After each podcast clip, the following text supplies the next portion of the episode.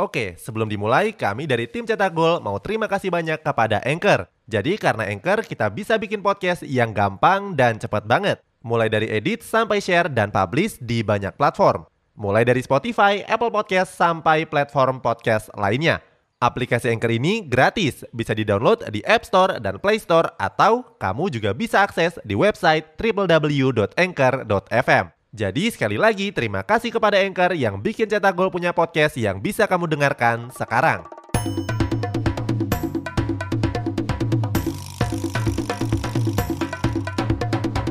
Kini Podcast Network. Real Madrid kembali membuktikan sebagai klub terbaik saat ini.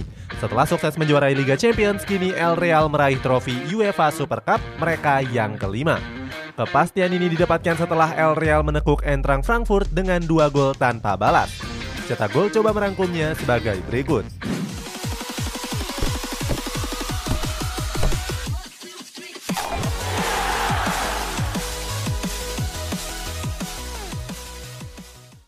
Pasif di bursa transfer. Real Madrid jadi salah satu klub papan atas yang paling pasif di bursa transfer kali ini. Sejauh ini mereka hanya mendatangkan dua pemain, mulai dari Aurelien Chouameni dan juga Antonio Rudiger. Chouameni diboyong dari AS Monaco dengan biaya transfer sebesar 80 juta euro. Sementara itu Rudiger direkrut dari Chelsea dengan status bebas transfer.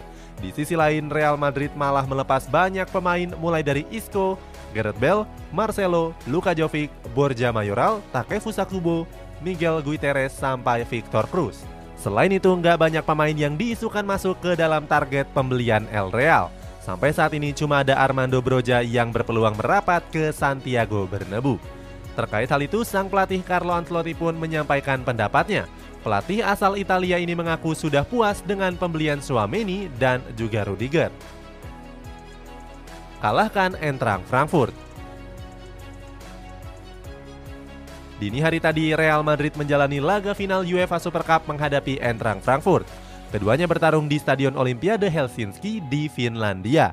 Pada laga ini, Real Madrid membuka keunggulan lewat gol dari David Alaba di menit ke-37. Saat itu, Alaba mampu memanfaatkan umpan sundulan dari Casemiro dengan sangat baik. Sementara itu gol kedua ke gawang Frankfurt dicetak oleh Karim Benzema di menit ke-65. Saat itu Benzema menjebol gawang Frankfurt setelah menerima umpan apik dari Vinicius Junior. Keunggulan 2-0 ini pun bertahan sampai peluit panjang dibunyikan. Sebagai informasi, trofi UEFA Super Cup kali ini juga jadi trofi UEFA Super Cup Real Madrid yang kelima. Skuad Los Blancos tercatat berhasil keluar sebagai juaranya pada tahun 2002, 2014, 2016, 2017, dan yang terbaru 2022. Oke, sebelum dilanjut, ada yang penasaran nggak gimana caranya bikin dan nyebarin podcast yang kayak gini?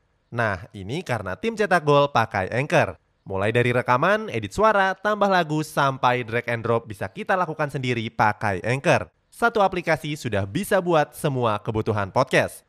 Bisa di-download dari App Store dan Play Store atau bisa juga diakses dari website www.anchor.fm. Terus yang terpenting Anchor ini gratis. Download dan coba sendiri setelah tonton episode ini. Karim Benzema lampaui Raul Gonzalez. Karim Benzema jadi salah satu pemain yang paling disorot di laga dini hari tadi. Sebab gol Benzema ke gawang Frankfurt menggenapkan koleksi golnya menjadi 324 gol. Torehan ini mengungguli legenda Real Madrid Raul Gonzalez yang mencetak satu gol lebih sedikit. Hasilnya Benzema memantapkan diri sebagai top skor kedua sepanjang masa Real Madrid. Benzema juga cuma kalah dari Cristiano Ronaldo yang sudah menyerangkan 450 gol. Keberhasilan Benzema ini mendapatkan pujian dari berbagai kalangan. Salah satunya datang dari mantan pemain tim nasional Jerman yakni Bastian Schweinsteiger. Lewat akun Twitternya, Schweinsteiger menyebut kalau Benzema adalah striker terbaik dunia saat ini. Carlo Ancelotti catatkan rekor baru. Selain Benzema, kemenangan dini hari tadi juga mencatatkan rekor baru untuk Carlo Ancelotti. Pelatih asal Italia ini kini dinobatkan sebagai pelatih paling sukses di UEFA Super Cup. Sebab Ancelotti jadi pelatih pertama yang memenangkan empat trofi tersebut. Sebelumnya, Ancelotti memenangkannya di tahun 2004 dan 2008 bersama AC Milan serta tahun 2015 bersama Real Madrid. Ancelotti pun mengungguli Pep Guardiola yang sejauh ini menjuarai tiga trofi UEFA Super Cup. Selain itu, Ancelotti juga membantu Real Madrid untuk bersanding dengan Barcelona dan AC Milan. Kini ketiganya jadi klub tersukses yang sudah merebut 5 trofi UEFA Super Cup. Targetkan raih 6 trofi. Keberhasilan ini membuat langkah Real Madrid untuk memenangkan 6 trofi semakin terbuka lebar. Sebelumnya, Ancelotti berhasrat bisa mencapai target tersebut. Apalagi di musim ini Real Madrid bakal mengikuti sejumlah kompetisi yang bergengsi, mulai dari La Liga, Liga Champions, Piala Dunia antar klub, Copa del Rey, sampai Piala Super Spanyol.